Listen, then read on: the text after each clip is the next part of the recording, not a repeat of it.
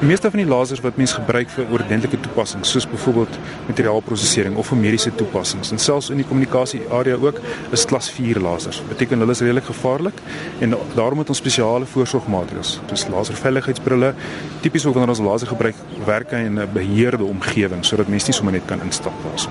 Nou goed, kom ons gaan kyk. In die werkswinkel. So al hierdie metaaldele wat ons sien is met 3D tegnologie gesny. Dis reg ja. Is dit die snytafel?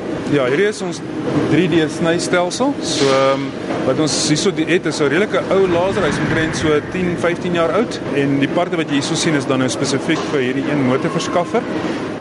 Hierdie is een van ons 3D drukkers.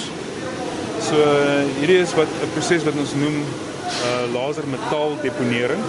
So in hierdie geval blaas ons 'n metaalpoeier koaksiaal saam met 'n laserstraal en waar die laserpoeier en die laserstraal mekaar ontmoet, smelt jy die metaalpoeier en so 'n manier begin jy dan 'n komponent groei of bou. Ons noem dit in Engels 3D printing.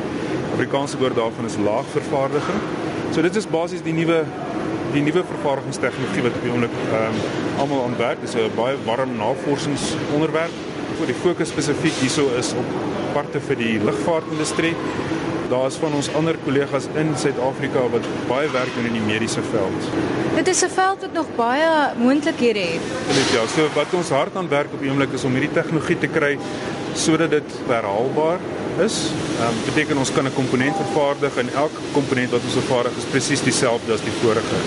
Uh, maar dis die navorsingswerk is om is om te kyk hoe ons laserprosesse kan beheer sodat ons herhaalbaarheid kry in terme van vervaardiging. Dis wat die groot fokus op is. Ek sien dit is 'n vierkantige blok baie beskik. Die rede hoekom hierdie ding in 'n boks is, is eerstens om ons te beskerm van die laserlig. So as ek nou-nou verduidelik, dis 'n klas 4 laser. Dit is goed sterk genoeg om metaal te smelt. Uh, maar die tweede rede hoekom dit in 'n boks is, is omdat ons hierso met titaan materiale werk. Met titaan oksideer baie maklik en ons wil nie geoksideerde titaan hê nie. So ons vervang die suurstof in hierdie klas met argon sodat ons 'n uh, inerte proseseringsomgewing het. Dit gee ons dan die integriteit van die van die komponente wat vervaardig word met hierdie tegnologie.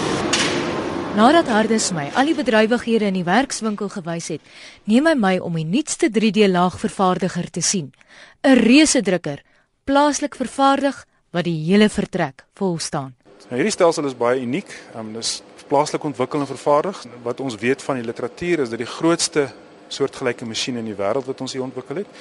En die fokus hierso regtig is om prosesontwikkeling te doen vir lugvaartparte van metaalkomponente, spesifieke fokus op titaan.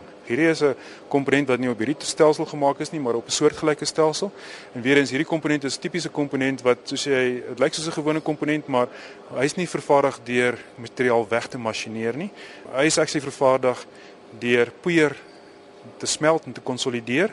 En in die geval bespaar mense 'n klomp materiaal. Jy gebruik materiaal net waar die komponent is en jy kan regtig komplekse komponente doen uh, sonder dat jy baie masjineerwerk hoef te doen. Wat is die toekoms van 3D ontwerp?